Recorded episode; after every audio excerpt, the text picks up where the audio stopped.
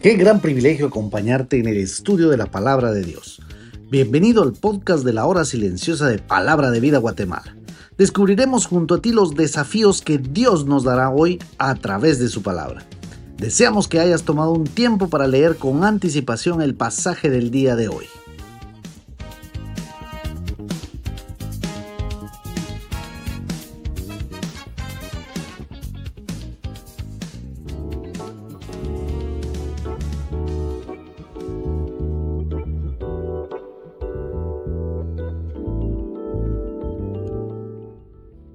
Bienvenidos nuevamente al comentario de la hora silenciosa. Hoy nos encontramos en Eclesiastés capítulo 2 del versículo 12 hasta el final y leemos la escritura. Después volví yo a mirar para ver la sabiduría y los desvaríos y la necedad, porque ¿qué podrá hacer el hombre que venga después del rey? Nada, sino lo que ya ha sido hecho. Y he visto que la sabiduría sobrepasa a la necedad como la luz a las tinieblas. El sabio tiene sus ojos en su cabeza, mas el necio anda en tinieblas pero también entendí yo que un mismo suceso acontecerá al uno como al otro. Entonces dije yo en mi corazón, como sucederá al necio, me sucederá también a mí. ¿Para qué pues he trabajado hasta ahora por hacerme más sabio? Y dije en mi corazón que también esto era vanidad, porque ni del sabio ni del necio habrá memoria para siempre, pues en los días venideros ya todo será olvidado y también morirá el sabio como el necio. Aborrecí por tanto la vida, porque la obra que se hace debajo del sol me era fastidiosa, por cuanto todo es vanidad y aflicción de espíritu. Asimismo aborrecí todo mi trabajo que había hecho debajo del sol, el cual tendré que dejar a otro que vendrá después de mí. Y quién sabe si será sabio o necio el que se enseñoreará de todo mi trabajo en que yo me afané y en que ocupé debajo del sol mi sabiduría. Esto también es vanidad. Volvió por tanto a desesperanzarse mi corazón acerca de todo el trabajo en que me afané y en que había ocupado debajo del sol mi sabiduría. Que el hombre trabaje con sabiduría y conciencia y con rectitud y que haya de dar su hacienda a hombre que nunca trabajó en ello. También eso es vanidad y mal grande. Porque, ¿qué tiene el hombre de todo su trabajo y de la fatiga en su corazón con que se afana debajo del sol? Porque todos los días no son sino dolores y sus trabajos molestias, aún de noche su corazón no reposa, eso también es vanidad. No hay cosa mejor para el hombre sino que coma y beba, y que su alma se alegre en su trabajo. También he visto que esto es de la mano de Dios. Porque ¿quién comerá y quién se cuidará mejor que yo? Porque al hombre que le agrada, Dios le da sabiduría, ciencia y gozo, mas al pecador da el trabajo de recoger y amontonar para darlo al que agrada a Dios. También esto es vanidad y aflicción de espíritu. El escritor, como él mismo se identifica, es el predicador. Pero ya que se puede mal entender el término predicador, entonces diremos el maestro, como lo dicen algunas versiones. Pues bien, decimos que este ha dejado en claro dos sentencias. La primera es que vanidad de vanidades todo es vanidad.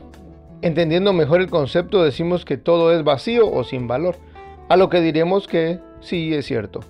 Y en concordancia a la segunda sentencia, que es fundamental para entender lo que está pensando y enseñando el maestro, es que de lo que está hablando es todo aquello que está debajo del sol, a lo cual diremos nuevamente que es cierto. Todo lo que está debajo del sol o todo lo que se hace y que es terrenal con fines terrenales y con beneficios terrenales, todo es sin valor, es vacío. Hemos de entender entonces que el hombre es un buscador por naturaleza y esto es lo que deja en claro el escritor. He probado todo, dice, con todo el dinero que tengo, con todos los recursos. He probado todo aquello que un hombre puede desear de este mundo terrenal y lo he tenido y lo he probado, todo deja en claro. Después volví yo a mirar para ver la sabiduría y los desvaríos y la necedad. ¿Qué hay de nuevo que el hombre pueda hacer? pregunta. Ah, pero el hombre moderno o postmoderno diría, pues por ejemplo, la televisión. Antes no había televisión.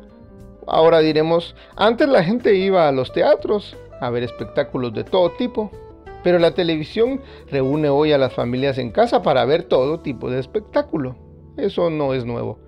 ¿O qué tal las guerras? Son distintas por sus armamentos y antes las batallas eran sangrientas y morían muchos y otros más.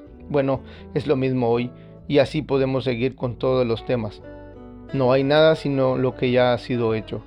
El sabio anda en iluminación, dice, el necio anda en tinieblas, y ambos tendrán el mismo final. En el versículo 15 se pregunta, ¿para qué pues he trabajado hasta ahora por hacerme más sabio? Eso también es vano. Las teorías científicas tienen sus exponentes, pero cambia una variable en la ecuación y ahora es un nuevo personaje con sus nuevas teorías.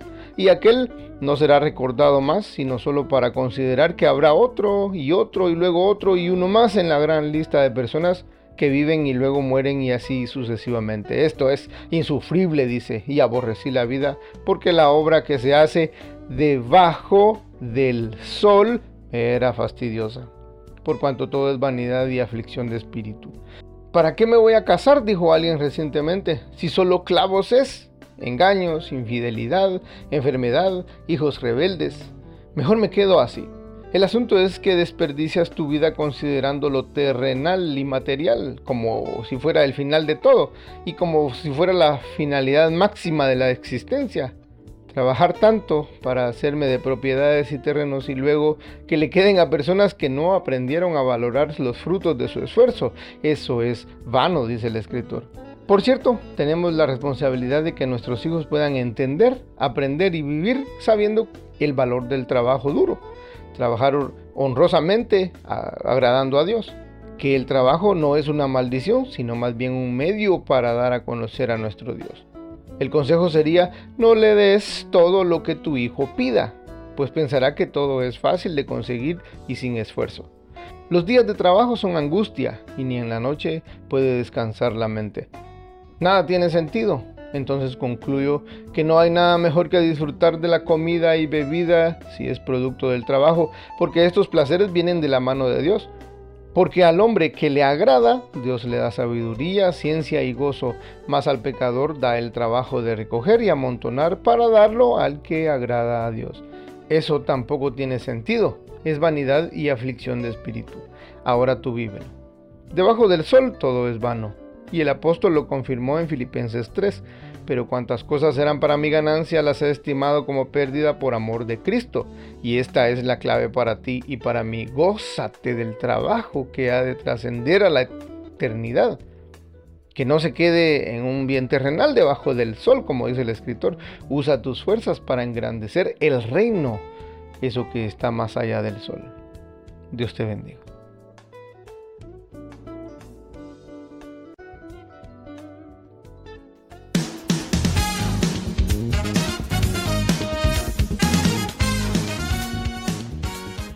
Es emocionante saber los tesoros que Dios tiene en su palabra para nosotros.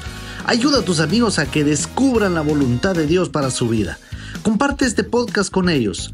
No olvides seguirnos en nuestras redes sociales.